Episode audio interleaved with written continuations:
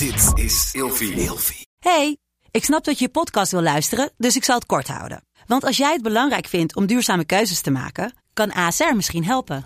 Nou hoor ik je denken, hoe dan? Nou, bijvoorbeeld bij het duurzaam herstellen van schade. Of de premies die we beleggen volgens ons duurzaam beleggingsbeleid. Dat bepaalt waar we wel en juist niet in investeren.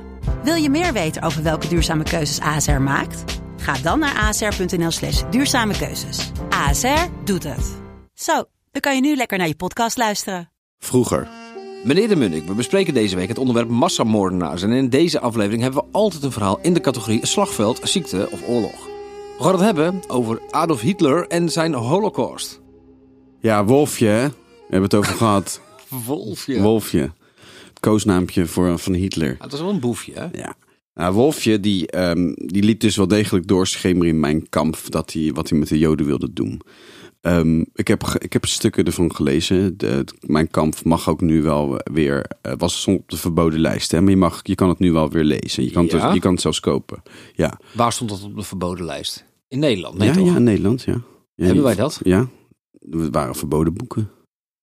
Best toch niet meer van deze tijd? Eigenlijk niet, maar, maar mijn kamp stond daar wel degelijk op. Je mocht, Waarom? Het, je mocht het volgens mij wel hebben, maar niet verhandelen.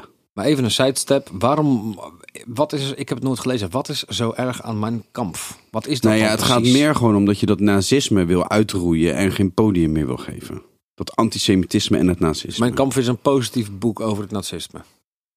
Absoluut. I don't know. Ja, nou, weet je, misschien moet je het maar een keer lezen. Mijn kamp is, weet je, heel veel mensen of leerlingen bijvoorbeeld die ik dan spreek, die denken mijn kamp dat, dat ze het hebben over mijn kamp. Maar nee, kampen is in het Duits strijden.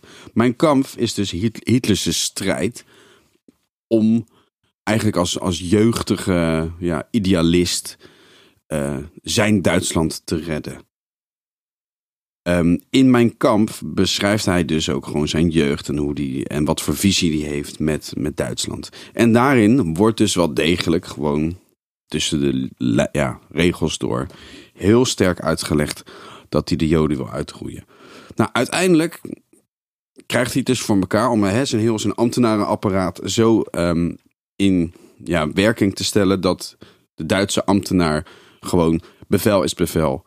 En ze worden ook nog ijverig en ze gaan met elkaar de concurrentie aan. En de ene wordt een betere vernietiger dan de andere.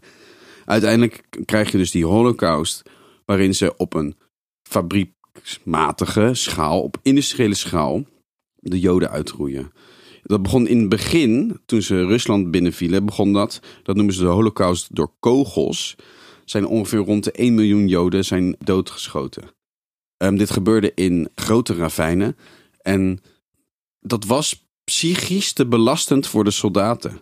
Wanneer Heinrich Himmler een massa-executie bijwoonde. Ehm, en hij kreeg, het schijnt zelfs dat hij stukken hersenweefsel op zich kreeg. En toen iemand door zijn hoofd werd geschoten. En hij moest daarna ook over zijn nek gaan. Hij werd daar fysiek ook heel misselijk van. Werd er besloten dat er dus op industriële schaal eh, ja, iets moest gebeuren. En ehm, dat noemen ze de Waanzee-conferentie. En daar kwamen alle ja, knappe koppen, om het, zo maar bij elkaar, om het zo te zeggen, bij elkaar om aan het Jodenvraagstuk te werken.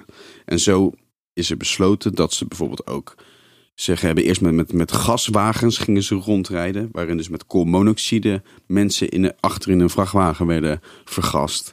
En later hebben ze dus dat cyclon B gebruikt, het pesticide, om op hele grote schaal, echt met, met, met duizenden, met, volgens mij met honderden tegelijk, maar sommigen hadden ook een capaciteit van meer dan duizend. Ze dachten dat ze gingen douchen. Ze werden uiteindelijk vergast en gelijk verbrand. Maar dan heb je het over die, inderdaad de gaskamers. Ja. Ja. Een vraag daarover. Ik heb ge- meegekregen dat mensen altijd naakt naar binnen moesten. Vaak werden ze ook nog geschoren. Ja. Waarom is dat? Eh, dat, dat haar, dat werd eh, gebruikt als eh, isolatiemateriaal. Heel veel mensen hadden natuurlijk ook luizen. En andere eh schurftachtige ziektes en zo. Dus eh, dat was ook denk ik meer voor de hygiëne. Maar, maar zover ik begreep, was dat, werd dat haar gebruikt als, als isolatiemateriaal. Volgens mij ook in kussens. Ongelooflijk bizar. Hoeveel mensen zijn hierbij omgekomen bij de Holocaust? Ja, ze zeggen 6 miljoen. Maar ehm, er waren geen volkstellingen in Rusland. Ehm, er zijn Duitse wetenschappers zijn nu heel erg bezig om archiefonderzoek te doen. Er zijn ook heel veel ehm, vernietigingskampen of wat kleinere kampen die de Duitsers al halverwege de oorlog hebben afgebroken. eh, een bos overheen hebben geplant en, en alles is uit de geschiedenis gewist. Sommige mensen zeggen zelfs dat wij misschien wel de holocaust eh, met 1 miljoen moeten bijstellen. Dat we dus richting de 7 miljoen gaan. Tot morgen. Vroeger.